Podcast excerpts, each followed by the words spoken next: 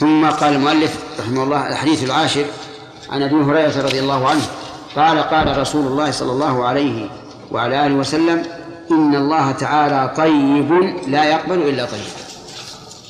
إن الله تعالى طيب كلمة طيب بمعنى طاهر نظيف لا يعتريه الخبث بأي حال من الأحوال لأن ضد الطيب هو الخبيث كما قال عز وجل قل لا يستوي الخبيث والطيب. وقال تعالى الخبيثات للخبيثين والخبيثون للخبيثات والطيبات للطيبين والطيبون للطيبات. فمعنى هذا أنه لا يلحق الله عز وجل شيء من آه العيب والنقص. طيب في إيش؟ في ذاته في أسمائه في صفاته في أحكامه في أفعاله في كل ما يصدر منه. هو طيب في ذاته وإيش؟ وأسمائه وصفاته وأفعاله وأحكامه كلها طيبة. ليس فيها رديء بأي وجه. لا يقبل إلا طيبا سبحانه وتعالى. لا يقبل إلا الطيب من الأقوال والأعمال وغيرها. كل رديء فهو, فهو مردود عند الله عز وجل. فلا يقبل الله إلا إلا الطيب. ومن ذلك الصدقة بالمال الخبيث. لا يقبله الله عز وجل. لأنه لا يقبل إلا طيبا. ولهذا جاء في الحديث الصحيح من تصدق بعدل تمرة من طيب ولا يقبل الله إلا الطيب. فإن الله تعالى يأخذها بيمينه ويربيها كما يربي أحدكم فلوة حتى تكون مثل الجبل. طيب ما هو الطيب من الأعمال؟ الطيب من الأعمال ما, ما كان خالصا لله موافقا للشريعة. ما كان خالصا لله موافقا للشريعة فهو طيب. الطيب من الأموال ما اكتسب عن طريق الحلال. وأما ما كسب عن طريق اكتسب عن طريق محرم فإنه خبيث. لا يقبل إلا إلا طيبا. وإن الله أمر المؤمنين بما أمر به المرسلين. فقال تعالى يا أيها الرسل كلوا من الطيبات واعملوا صالحا. أمر المؤمنين بما أمر به المسلمين آه المرسلين. تعلية لشأن المؤمنين وأنهم أهل أن يوجه إليهم ما أمر به الرسل. فقال عز وجل في أمر المرسلين يا أيها الرسل كلوا من الطيبات واعملوا صالحا. فأمر الرسل أن يأكلوا من الطيبات وهي التي أحلها الله عز وجل واكتسبت على وجه شرعي. انتبه شرطين. أحلها الله والثاني اكتسبت عن طريق شرعي فإن لم يحلها الله كالخمر فإنه لا يؤكل. وإن أحله الله لكن اكتسب عن طريق محرم فإنه لا يؤكل. والأضرب أمثلة. رجل أكل من شاة ميتة. هل أكل من الطيبات؟ لا لأن الله حرمها رجل غصب شاة وذبحها وأكل منها. هل هي طيبة أو غير طيبة؟ غير طيبة. لكن الأولى محرمة لذاتها والثانية محرمة لكسبها. واعملوا صالحا يعني اعملوا عملا صالحا. فأمرهم بالأكل الذي به قوام البدن ثم أمرهم بالعمل الذي يتغ... نعم الذي يكون نتيجة نتيجة للأكل. لكنه قال اعملوا صالحا. ما هو صالح العمل؟ ما جمع بين الإخلاص والمتابعة. ولهذا روي عن بعض السلف أنه قال ما كان خالصا صوابا. خالصا لله صوابا على شريعة الله. وقال تعالى في أمر المؤمنين يا أيها الذين آمنوا كلوا من طيبات ما رزقناكم. نعم. من طيبات ما رزقناكم. كما قال الرسل كلوا من الطيبات. فأمر المرسلين المؤمنين بما أمر به المرسلين ويراجع هذا الحديث لينظر هل فيه تكميل الآية الأولى والثانية. نعم. كلوا من الطيبات واعملوا صالحا. لا الأولى موجود واعملوا صالحا. الثانية كلوا من طيبات ما رزقناكم. كنا نتوقع أن يقال واشكروا لله. لأن الشكر لله في مقابل عمل العمل الصالح مع الرسل. واشكروا لله. نعم. آه، كلوا من طيبات ما رزقناكم. إذن آه، نقول المؤمنون مأمورون بالأكل من الطيبات والمرسلون كذلك مأمورون بالأكل من الطيبات. قلنا الطيب ما هو؟ ما كان حلالا. واكتسب عن طريق حلال. طيب. ثم ذكر النبي صلى الله عليه وعلى آله وسلم الرجل يطيل السفر أشعث أغبر يمد يديه إلى السماء يا ربي يا رب ومطعمه حرام ومشربه حرام وملبسه حرام وغذي بالحرام فأنى يستجاب لذلك. أو أو يستجاب له. فأنى يستجاب له. يعني ضرب النبي صلى الله عليه وعلى آله وسلم مثلا لهذا الرجل. يطيل السفر. والسفر من أسباب إجابة الدعاء ولا سيما إذا أطاله. أشعث أغبر يعني أشعث في شعره أغبر من التراب أي أنه لا يهتم بنفسه. أهم شيء عنده الدعاء. يمد يديه إلى السماء ومد اليدين إلى السماء من أسباب إجابة الدعاء. كما جاء في الحديث أن الله تعالى حي كريم. يستحيي من عبده إذا رفع يديه إليه أن يردهما صفرا. يا رب يا رب نداء باسم أو بوصف الربوبية لأن ذلك وسيلة لإجابة الدعاء. إذ أن إجابة الدعاء من مقتضيات إيش؟ الربوبية. ومطعمه حرام. يعني طع... يعني طعامه الذي يأكله حرام. ومشربه حرام. يعني شربه الذي يشربه حرام. حرام لذاته أو لكسبه. أو عام. هو عام. وكذلك وقال في المشرب. وملبسه حرام. أي لذاته كالحرير على الرجل أو لكسبه كالثوب المغصوب. وغذي بالحرام. يعني أنه تغذى بالحرام الحاصل من فعل غيره. قال فأنى يستجاب لذلك.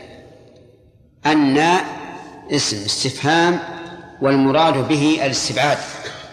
يعني يبعد أن يستجاب لهذا. مع أن أسباب الإجابة إيش؟ موجودة.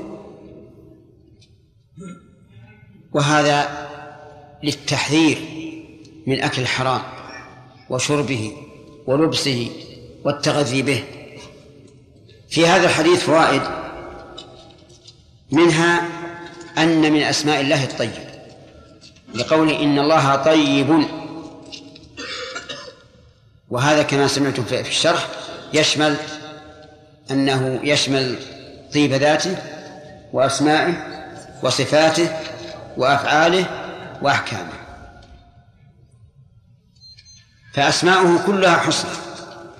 لا يوجد في أسماء الله ما يكون فيه النقص. لا حقيقة ولا فرضا. كل أسماء الله ليس فيها نقص بوجه من الوجوه لأن الله قال ولله الأسماء الحسنى والحسنى اسم تفضيل.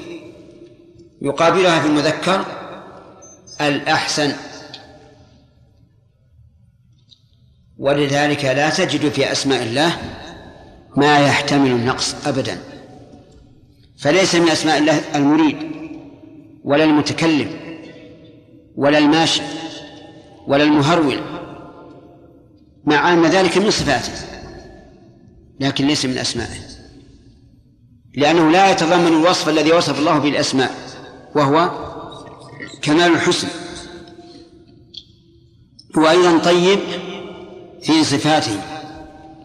كل صفات الله طيبة ليس فيها نقص بوجه من الوجوه.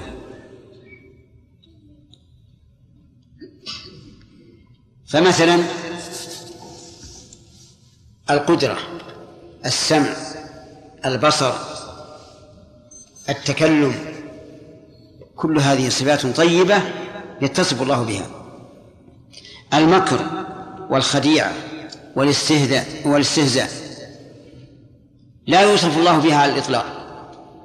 فلا يجوز أن تقول إن الله ماكر ولا خادع ولا مستهزئ. لا يجوز أن يوصف الله بها إلا في الحال التي تكون فيها قوة. إلا في الحال التي تكون فيها هذه الأوصاف قوة. ومتى تكون هذه الأوصاف قوة؟ إذا كانت في مقابل من يفعل هذا الفعل. فمثلا نقول إن الله ماكر بمن يمكر به وبرسله. يجب أن تقيدها مستهزئ بما يستهزئ به وبرسله. خادع لمن يخدع رسله ويخدع الله أيضا. أواضح هذا أم لا؟ طيب. خائن الخيانة هل يوصف الله بها؟ لا لأنه نقص بكل حال. فلا يوصف الله بالخيانة. ويدل لهذا يخادعون الله والذين آمنوا وما يخدعون إلا أنفسهم. إن المنافقين يخادعون الله وهو خادعهم فأثبت الخداع لأنه يدل على القوة. لكن في الخيانة قال الله عز وجل وإن يريدوا خيانتك فقد خانوا الله من قبل فأمكن منهم. ولم يقل خانوا الله من قبل فخانهم لأن الخيانة وصف ذم لا يوصف الله بها. طيب في صفاته إذن صفاته كلها طيبة. وقد قال الله تعالى في القرآن الكريم ولله المثل الأعلى أي الوصف الأعلى من كل وجه. كذلك أيضا في أفعاله. أفعاله كلها طيبة. لا يفعل إلا خيرا. لا يفعل إلا خيرا وتقدم لنا الجواب عن قوله في القدر خيره وشره. فأفعاله كلها خير. فهي طيبة. أحكامه كذلك. كلها متضمنة لمصلحة العباد في معاشهم ومعادهم فهي طيبة. انتهى الوقت الظهر الرحيم. الحمد لله رب العالمين وصلى الله وسلم على نبينا محمد وعلى آله وصحبه أجمعين. هل يجوز قتال طائفة ممتنعة من الزكاة؟ نعم. نعم يجوز قتال الدليل. قول النبي صلى الله عليه وسلم أمرت أن أقاتل الناس. نعم. حتى يشهدوا أن لا إله إلا الله وأن محمد رسول الله ويقيموا الصلاة ويؤتوا الزكاة. تمام. وهل هذه القيام بهذه الأشياء شرط للدخول في الإسلام أو لا؟ يحيى. لا.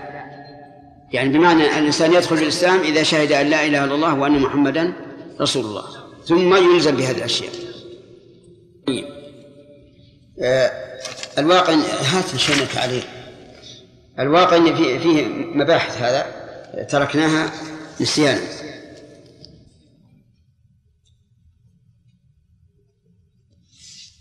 منها هل يجوز فعل المحرم للضرورة أو لا؟ والجواب أنه يجوز.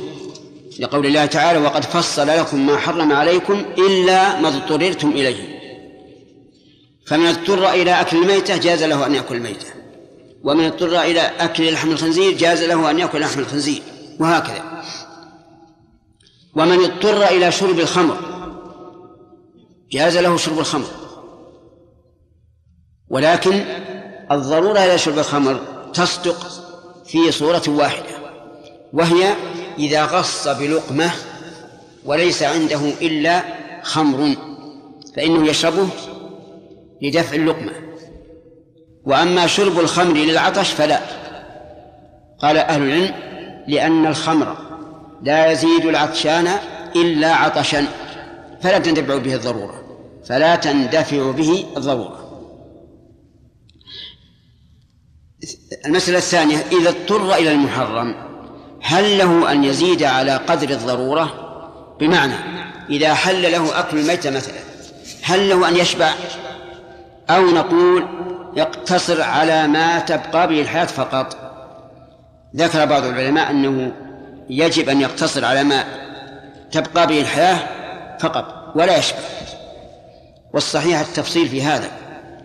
فإن كان يعلم أو يغلب على ظنه أنه سيحصل على شيء مباح قريبا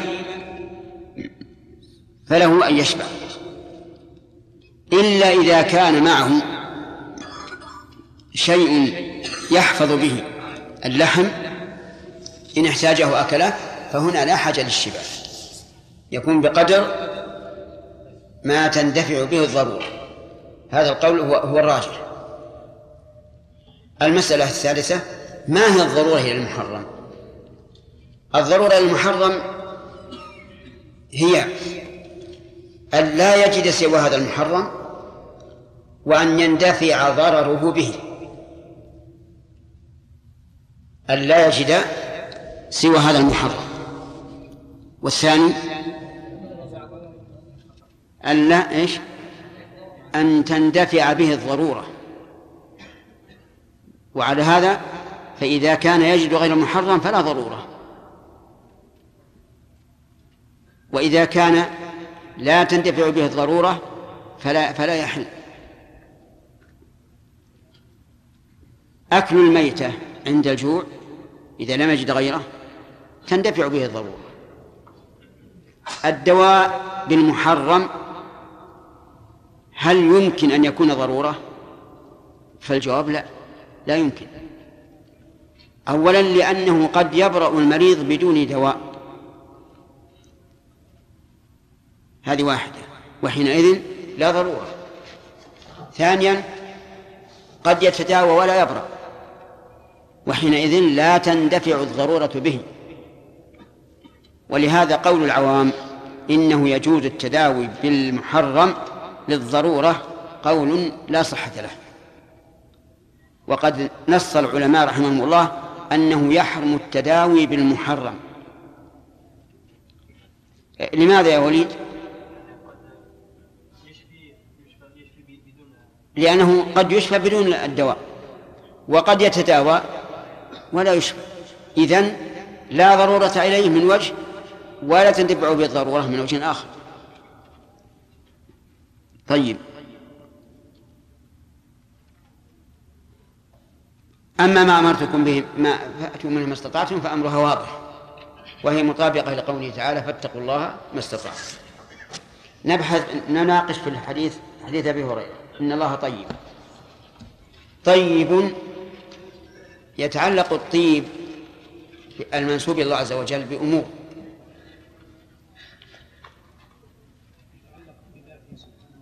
أولا طيب بذاته. فذاته طيبة مقدسة لا يعتريها نقص بوجه من الوجوه. الثاني عبد الرحمن. طيب في أسمائه. الدليل.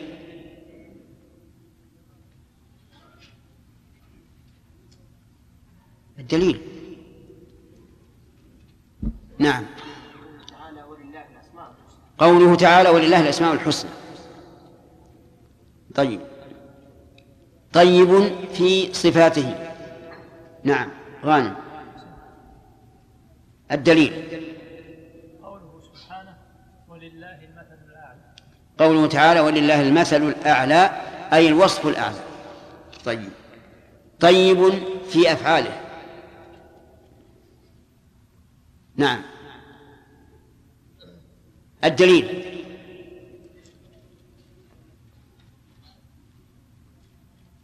ما ذكرنا لكم؟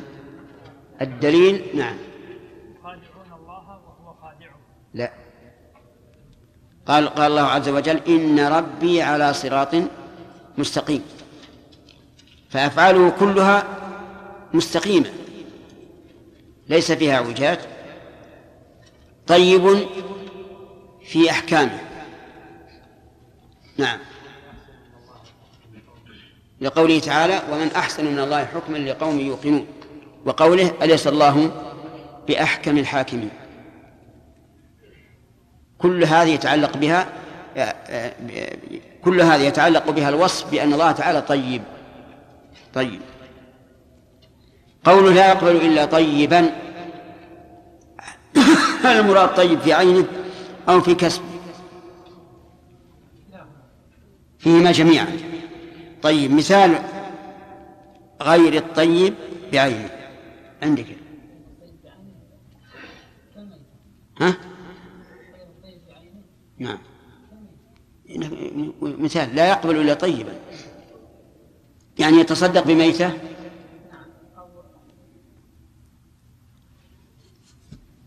أو بخمر. طيب. مثال الطيب لكسبه. نعم. إيش؟ الطيب لكسبه. ما نس ما نسأل عن, عن الخبيث لكسبه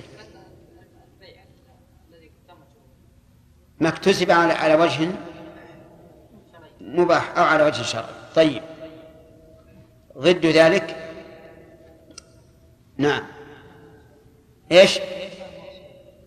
يا سبحان الله. أعطنا قاعدة عامة. مو مثال. هذا مثال. ذا ما اكتسبه على وجه محرم مثل وغيره.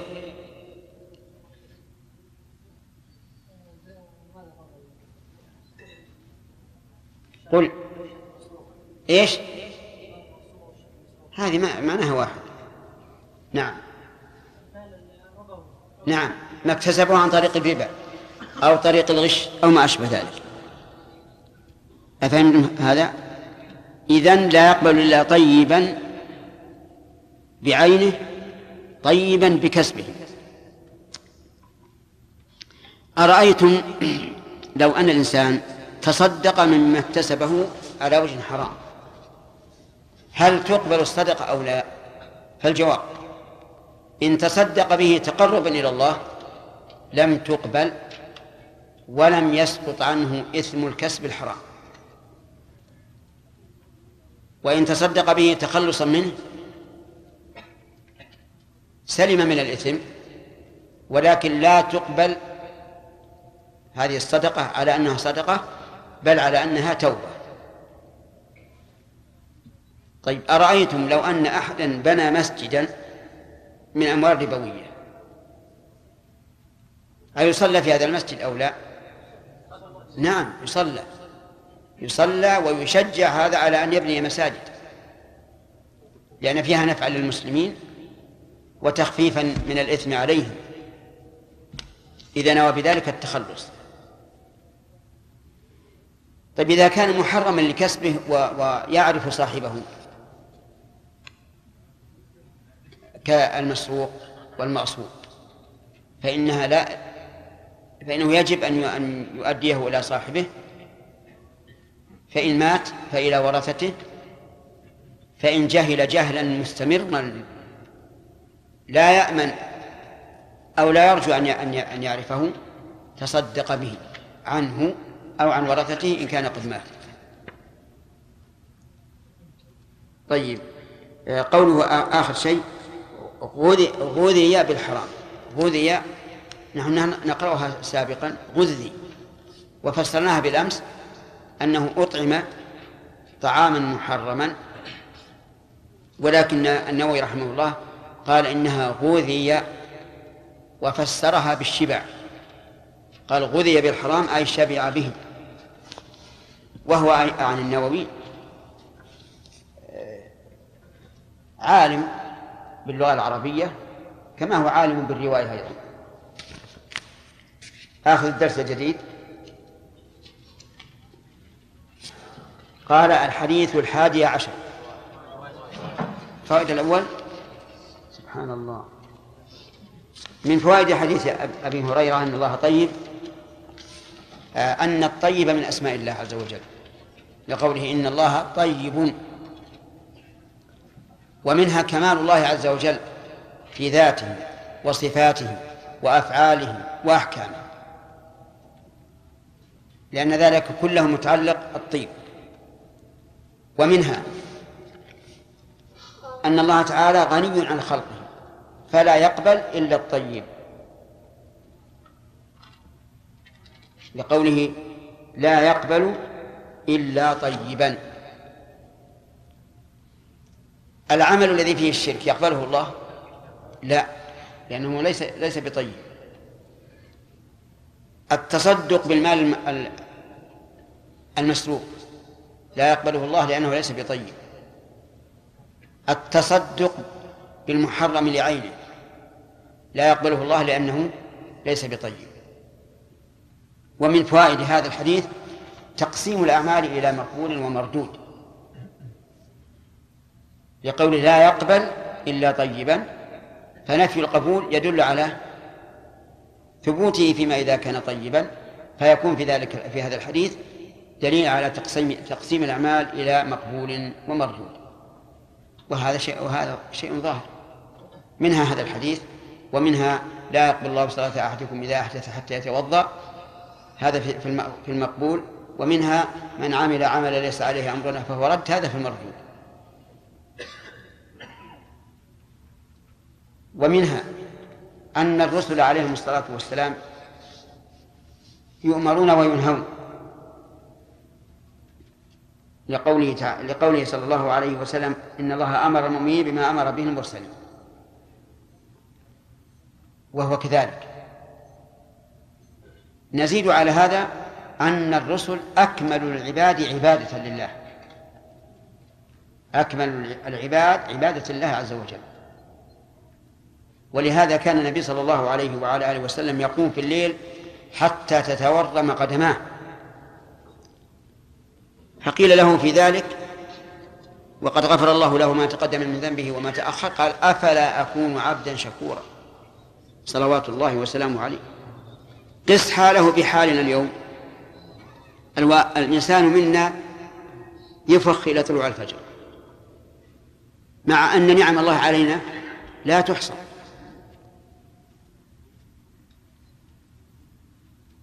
ولقد قام مع النبي صلى الله عليه وسلم ثلاثة رجال شبان وعجزوا أن يلحقوه في تهجده فحذيفة رضي الله عنه بن اليمان قام معه ذات ليلة يتهجد بالليل. يقول فقرأ سورة البقرة. فقلت يركع عند المئة. يعني مئة آية ويركع. فمضى. أكملها. فقلت يركع. فشرع في سورة النساء وأكملها. ثم شرع في سورة آل عمران وأكملها. اللهم صل وسلم عليه. وهذا شيء يشق على الشباب. ابن مسعود رضي الله عنه صلى معه ذات ليلة فأطال النبي صلى الله عليه وعلى آله وسلم القيام. قال ابن مسعود حتى هممت بأمر سوء. قيل ما ماذا بماذا هممت يا أبا عبد الرحمن؟ قال هممت أن أقعد وأدعه وهو شاب. الثالث ابن عباس رضي الله عنه. قام مع النبي صلى الله عليه وسلم ذات الليلة ورأى من تهجده ما ما يطول. والحاصل أن الرسل مأمورون منهيون. وأنهم أقوم الناس بعبادة الله عز وجل. ومنها أن المؤمنين أن المؤمنين مأمورون منهيون. لقوله وإن الله أمر المؤمنين بما أمر به المرسلين. وكلما كان الإنسان أقوى إيمانا كان أكثر امتثالا لأمر الله عز وجل. وإذا رأيت من نفسك هبوطا في امتثال الأوامر فاتهمها بنقص الإيمان. وصحح الوضع. قبل أن يستشري هذا المرض فتعجز عن عن الاستقامة فيما بعد. ومن فوائد هذا الحديث استعمال ما يشجع على العمل. وجهه قول النبي صلى الله عليه وسلم إن الله أمر المؤمنين بما أمر به المرسلين. فإذا علم المؤمن أن هذا من مأمورات المرسلين فإنه يتقوى ويتشجع على الامتثال. ومن فوائد هذه الآية هذا الحديث الأمر بالأكل من الطيبات. الأمر بالأكل من الطيبات. لا المؤمنين ولا المرسلين. ومنها ويؤخذ من هذا فائدة يتفرع على هذا فائدة. ذم من امتنع عن الطيبات بدون سبب شرعي. يعني لو أن الإنسان بعد أن من الله على على الأمة بالغنى وجلب أنواع الثمار والفواكه قال أنا ما أكل. ما أكل هذا. تورعا. لا لعدم الرغبة لكن تورعا. فإن نقول له أخطأت. هذا خلاف عمل السلف الصالح. لأن السلف الصالح لما فتحوا البلاد صاروا يأكلون ويشربون أكلا وشربا لا يعرفونه في عهد النبي صلى الله عليه وعلى آله وسلم. فمن امتنع عن الطيبات لغير سبب شرعي فهو مذموم. راد لمنة الله عز وجل. أترك اللحية يا رجل. راد لمنة الله عز وجل عليه. وأنتم تعلمون بالعقل أن رد منة ذي المنة إساءة أدب. لو أن رجلا من الكرماء أهدى إليك هدية ورد ورددتها. هل هذا يعتبر حسن خلق وأدب أو بالعكس؟ بالعكس. ولهذا كان النبي صلى الله عليه وسلم لا يرد الهبة. أي إنسان يهدي إليه ولو شيئا قليلا فإنه يقبلها عليه الصلاة والسلام ويثيب عليها. الخلاصة الامتناع عن الطيبات لغير سبب شرعي محمود أو مذموم؟ مذموم. طيب. ومن فوائد هذا هذا الحديث؟ أنه يجب شكر نعمة الله عز وجل بالعمل الصالح. لقولك كلوا واعملوا صالحا. وفي المؤمنين قال كلوا من طيبات ما رزقناكم واشكروا لله. ويتفرع من الجمع بين الآيتين أن الشكر هو العمل الصالح.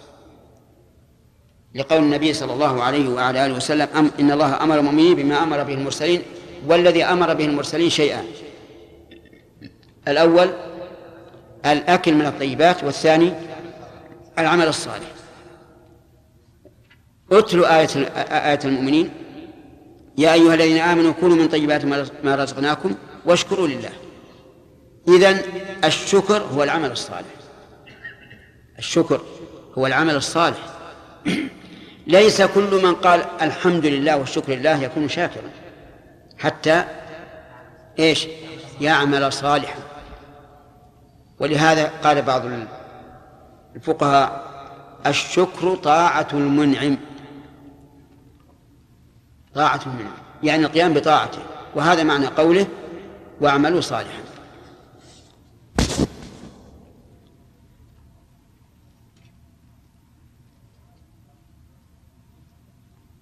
من فوائد هذا الحديث توجيه الأمر لمن هو متصف به لقوله واعملوا صالحا فوجه الأمر بالعمل الصالح للمرسلين مع أنهم عجيب. يعملون الصالحات لا شك. وهذا كقوله تعالى لرسوله محمد صلى الله عليه وعلى آله وسلم يا أيها النبي اتق الله. وقوله وإذ تقول للذي أنعم الله عليه وأنعمت عليه أمسك عليك زوجك واتق الله وتخفي في نفسك ما الله مبديه. الواحد منا ونحن مفرطون. إذا قيل له اتق الله انتفخ غضبا. انتفخ غضبا. لو تقول الله يهديك قال وش أنا مسوي؟ أليس كذلك؟ وهذا الرسول عليه الصلاة والسلام يقول الله له يا أيها النبي اتق الله. فالرسل عليهم الصلاة والسلام مأمورون بالعمل الصالح وإن كانوا يعملونه تثبيتا لهم على ما هم عليه ليستمروا عليه. من فوائد هذا الحديث تحريم الخبائث. لقوله من الطيبات وقول في المؤمنين من طيبات ما رزقناهم لكن ما هو مدار الخبث؟ أعلى ما يستخبثه الناس وكل إنسان بطبيعته؟ أو أن نقول الخبيث ما استخبثه الشرع عجيب يا جماعة. الثاني لأنه لا يمكن أن يرد هذا إلى إلى إلى عقول الناس. لو رد هذا إلى عقول الناس مشكلة. ألم تروا أن بعض الناس يستقذر ويستخبث أكل الجراد؟ نعم يوجد. ومن الناس من يستخبث الضب وهو حلال. والاستخباث ليس هو الكراهة الطبيعية لا. الكراهة الطبيعية كل إنسان يكره ما, ما لا يعتاد أكله. إذن المرجع في كون الشيء طيبا أو خبيثا إلى الشر. تمام؟ طيب. لا إلى أذواق الناس. بعض العرب كما قيل عنهم يأكل كل ما هب ودب إلا أم حبين وهي الخنفسة أو شيء مثل الخنفسة. هذه نجت من, من هؤلاء القوم. والباقي كله يؤكل كله يؤكل. هذا ما هو معقول. فالخلاصة الآن الطيب والخبيث في المأكولات والمشروبات مرجعه إلى إلى الشريعة. لا إلى ما يستقره الناس أو يستطيبوه الآن مثلا شارب الدخان. يرى أنه طيب. نكهة. تنشيط. نعم. إدخال سرور على هذا الدماغ. على دماغه هو. نعم. أي نعم. ومع ذلك نحن نرى أنه إيش؟ أنه خبيث. لأن كل ما حرمه الشرع فهو خبيث لا شك. ومن فوائد هذا الحديث استبعاد إجابة آكل الحرام. ولو عمل من أسباب الإجابة ما عمل. لأن النبي صلى الله عليه وعلى آله وسلم ذكر الرجل يطيل السفر أشعث أغبر إلى آخره. وقال بعد ذلك إيش؟ أن يستجاب لذلك. أن هذا استفهام استبعاد لكن هل هذا يعني أنه يستحيل أن يجاب؟ لا. لأن الإنسان قد يستبعد شيئا ولكن يقع. إلا أن النبي صلى الله عليه وعلى آله وسلم استبعد هذا تنفيرا عن أكل الحرام. ومن فوائد هذا الحديث أن السفر من أسباب إجابة الدعاء. وجه هذا أنه وردت أحاديث في هذا أن المسافر لا لا ترد دعوته ثم ذكر الرسول صلى الله عليه وسلم السفر يدل على أن للسفر تأثيرا في إجابة الدعاء. ولا سيما إذا أطال السفر وبعد عن الوطن. فإن قلبه يكون أشد انكسارا ولجوءا إلى الله عز وجل. ومنها أن الشعث والغبرة من أسباب إجابة الدعاء. لكن هذا قد يرد عليه أن التورع عن المباحات بدون سبب شرعي مذموم. فيقال المراد بالحديث أن هذا الرجل يهتم بأمور الآخرة أكثر من اهتمامه بأمور الدنيا. ومن فوائد هذا الحديث أن رفع اليدين في الدعاء من أسباب الإجابة. من أسباب الإجابة. وكيف يكون الرفع؟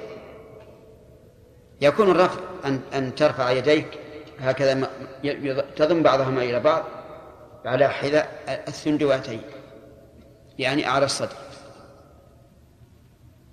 وإن ودعاء الابتهال أكثر من هذا. ترفع. حتى أن النبي صلى الله عليه وسلم في دعاء الاستسقاء رفع يديه كثيرا حتى ظن الظان أن ظهورهما نحو السماء من شدة الرفع وكلما بلغت في الابتهال فبالغ في الرفع ولكن هل رفع اليدين مشروع في كل دعاء؟ الجواب هذا على ثلاثة أقسام. القسم الأول ما ورد فيه رفع الدعاء رفع اليدين والثاني ما ورد فيه عدم الرفع والثالث ما كان مجهولا. الله أكبر. الله أكبر. أقول رفع اليدين في الدعاء ثلاثة أقسام. القسم الأول ما ورد ما ورد في السنة. والثاني ما ورد عدم الرفع فيه.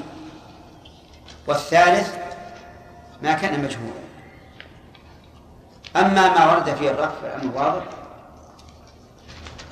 كرفع اليدين في في الخطبة لطلب الغيث أو لإمساكه. فهذا ثابت. وما ترفع الخطيب ليديه فليرفع الناس أيديهم لأنهم تابعون له.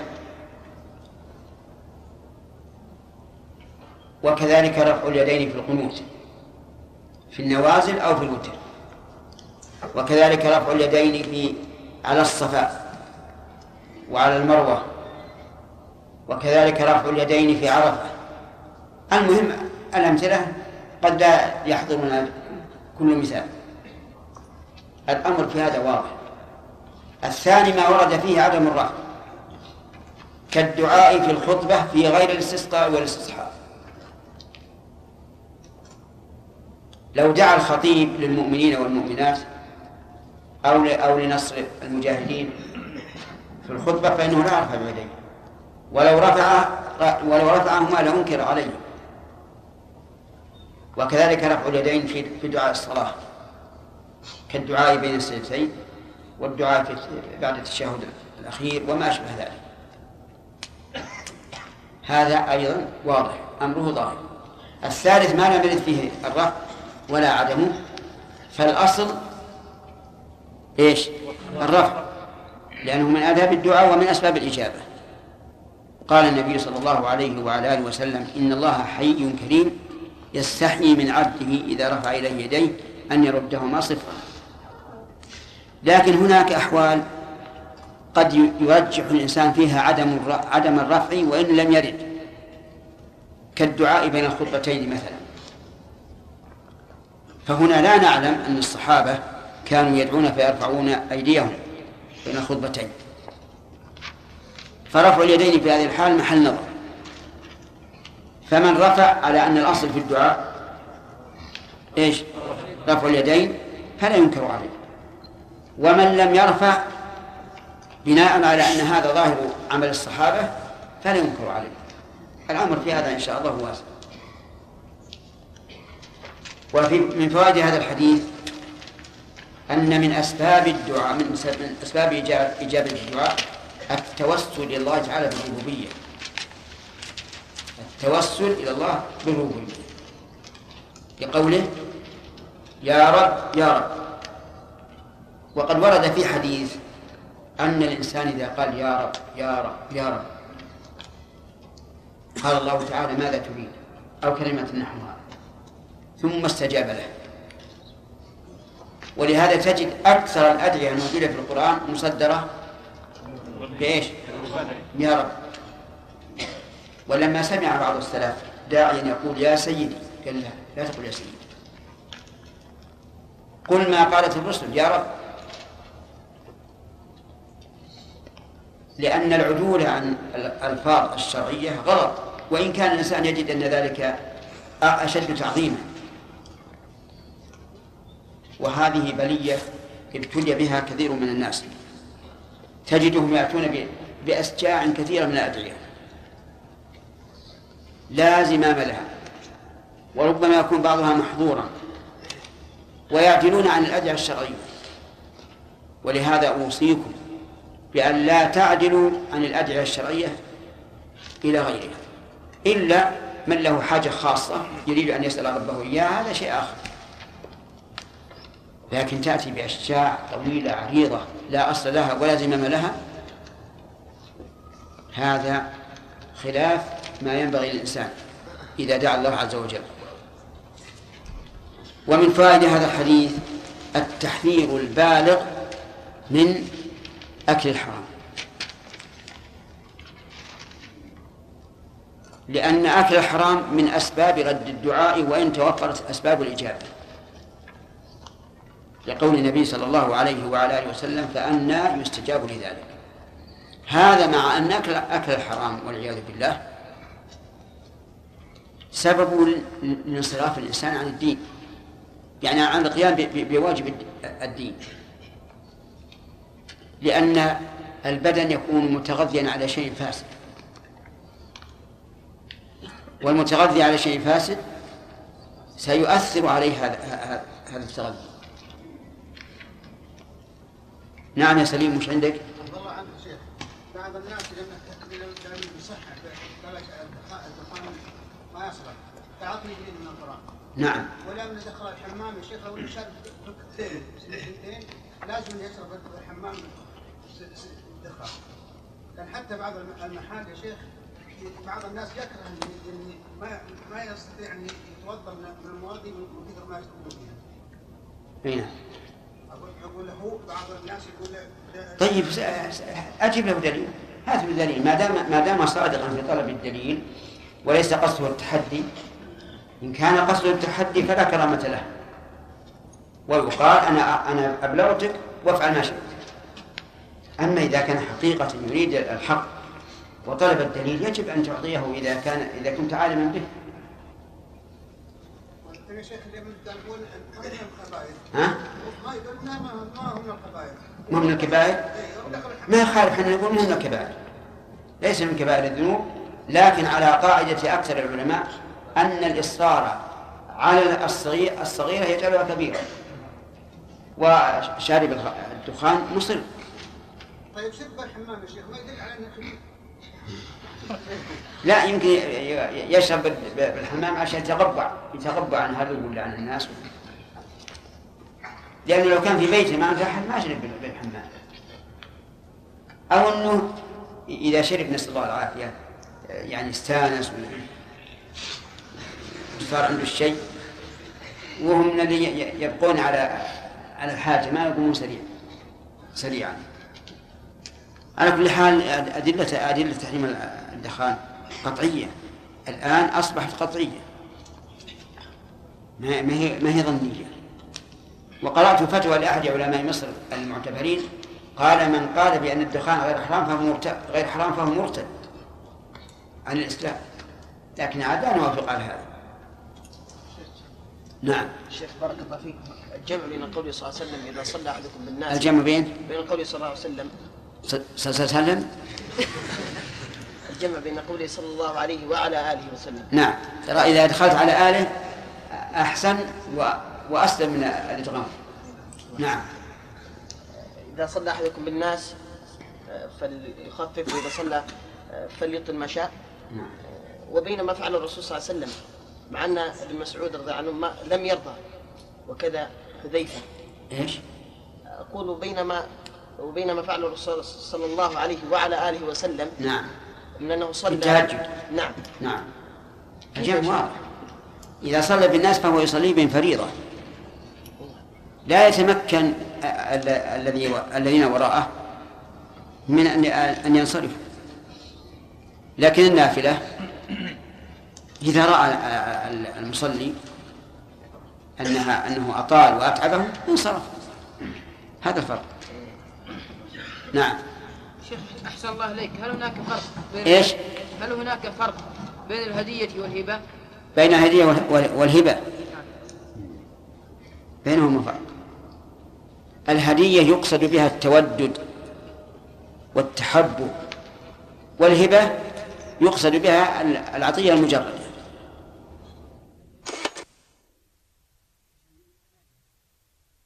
نعم. بارك الله فيك. إذا اختلط مال مال الرجل وكثر ماله حلال وحرام. ثم تاب. فكيف يتخلص من هذا الحرام مع أنه لا يعرفه؟ إذا كان حين اكتسب الحرام يعتقد حلة. فليس عليه شيء. له ما أسلف وإذا كان لا يعتقد حله فإنه يحتاط ويتخلص منه. هو ما يعني ما قلت يحتاط. قلت يحتاط. إذا قدر إنه, إنه عنده مثل مليون ريال. يظن أن المحرم 500 ألف يخرج 500 ألف. يتخلص منه. يتخلص منه. نعم رحمك الله يا شيخ من بنى مسجدا بمال بمال محرم من كسبه. نعم. هل يجوز الصلاة فيه يا شيخ؟ ما هو قلنا هذا؟ قلنا بالدرس لكن نعم. قلنا يا شيخ إذا مثلا أراد التخلص جاز جاز الصلاة فيه. ولم نقل اذا لا ما قلنا ما تعرض لصحة الصلاة فيه. قلنا إذا قصد التخلص سلم من الإثم وأثيب على التوبة. لا على البناء.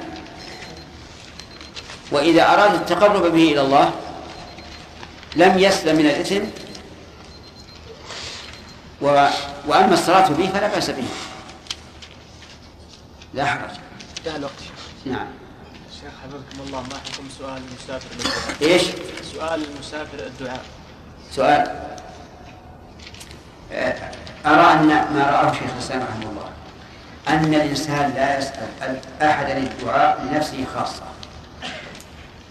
إن سأل لعموم الناس أو سأل لشخص معين رجلا صالحا ترجى إجابة دعوته فلا بأس. مثال الأول أن يسأل شخصا ترجى إجابة دعوته بأن يستسقي للمسلمين. هذا لا بأس به. أو سأل هذا الشخص الذي ترجى إجابته إجابة دعوته أن يدعو لفلان من الناس. هذا أيضا لا بأس به.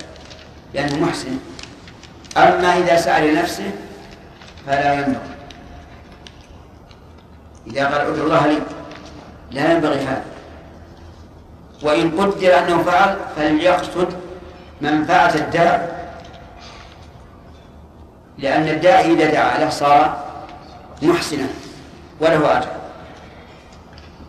لا يقصد نفع نفع نفسه المحض.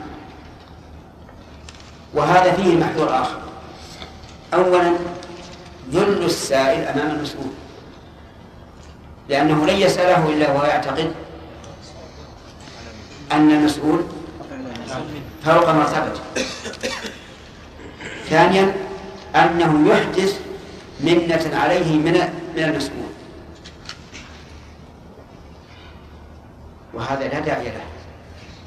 ثالثا أنه ربما يعتمد على دعاء هذا المسؤول ولا يدعو لنفسه. وهذا ضرر عظيم. ثالثا رابعا أنه مخالف لظاهر قوله تعالى وقال ربكم ادعوني أستجب لكم. وقال ربكم ادعوني أستجب لكم. ولا يرد على هذا سؤال الصحابة النبي صلى الله عليه وعلى آله وسلم أن يدعو لهم للفرق الواضح بين النبي صلى الله عليه وعلى آله وسلم وبين من يسأل.